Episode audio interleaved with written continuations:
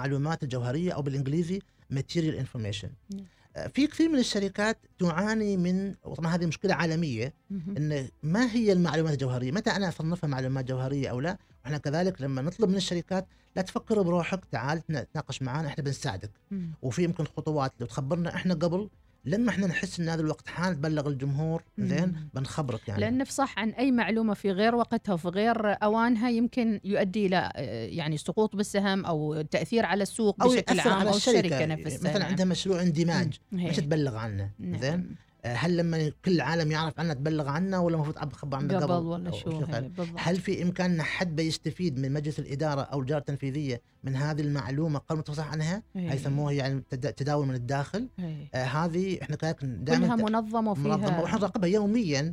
السيدات عندنا والشباب موجودين عندنا في دائرة الرقابة على التداول. يراقبوا جميع التداولات يوميا وعندهم آه، نظام إلكتروني. يخبرك عن أي أي إمكانات للتداول من الداخل أو إنه مثلا في تع... في- في تلاعب في السوق أو شيء وبعدين ناخذوهم واحدة واحدة ويحاولوا يفحصون تاخذ وقت ان فيها لازم تتبعي كل التعاملات فتاخذ وقت ويبغى لك نظرة حصيفة. ومثل ما شاء الله البنات اللي عندنا يعني شاطرات. جدا في هذا العمل. يبالنا نزوركم هناك ونصور. وياكم أيوة، يعني أيوة. ونشوف أيوة. الكفاءات و- العمانيه وآخر وسيلة عندنا اللي هي أعلن عنها قبل كم أربع شهور تقريبا ثلاث شهور اللي هي منصة الإفصاح الإلكتروني.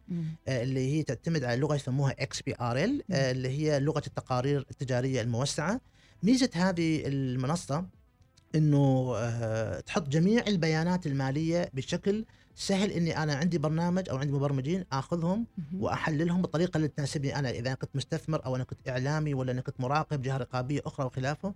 فهي يعني اللغة موحدة لجميع البيانات المالية في الوقت. الحالي نعم على أساس إن المرحلة التالية إن شاء الله بتكون كذلك البيانات الرقابية والإفصاح عن المعلومات الأخرى بتكون كذلك منظمة بحيث إنه تكون كل شيء كل شيء يكون متاح الكترونيا وبامكان أي شخص إنه يستقي الكترونيا ويتعامل معه الكترونيا. جميل جدا. إذا نحن آه، يمكن أن نقول آه، لمينا بكل النقاط فيما يتعلق برؤية عمان 2040 ودور آه، يعني هيئة سوق المال فيما يتعلق بهذه الخطة وخطة هيئة سوق المال 2021-2025 جزيل الشكر لك أستاذ أحمد المخيني على تواجدك معنا في الأستوديو.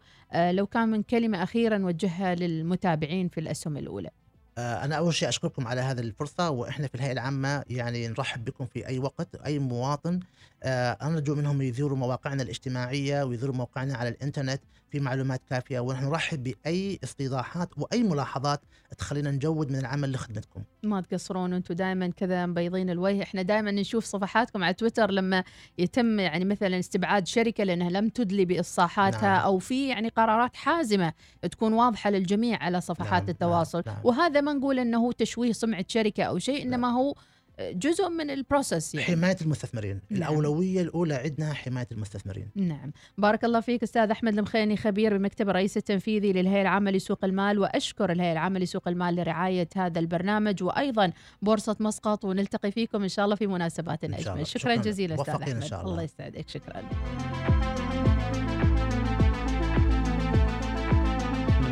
عن الاستثمار فهو يمس جانب معين لكل واحد منا كبشر. الاستثمار لا حد للعمر وأيضا لا حد لموضوع التعليم. يعني حتى الإنسان إذا كان عندنا المؤشر أحمر يوم يومين ثلاثة شهر أو شهرين أو حتى سنة هذا لا يعني على إنه هذا الاستثمار بحد ذاته آه، قد يكون فاشل أو غير مجدي. حمزة لو ممكن تعطينا كيف ممكن الإنسان أو الشخص اللي يفكر يدخل في سوق المال؟ حمزة اللواتي متخصص في عالم الأسواق. يلتقيكم عبر الوصال كل اثنين وأربعاء والحديث عن أسواق المال العالمية وكيفية الاستثمار فيها. الأسهم الأولى مع حمزة اللواتي ومديحة السليمانية.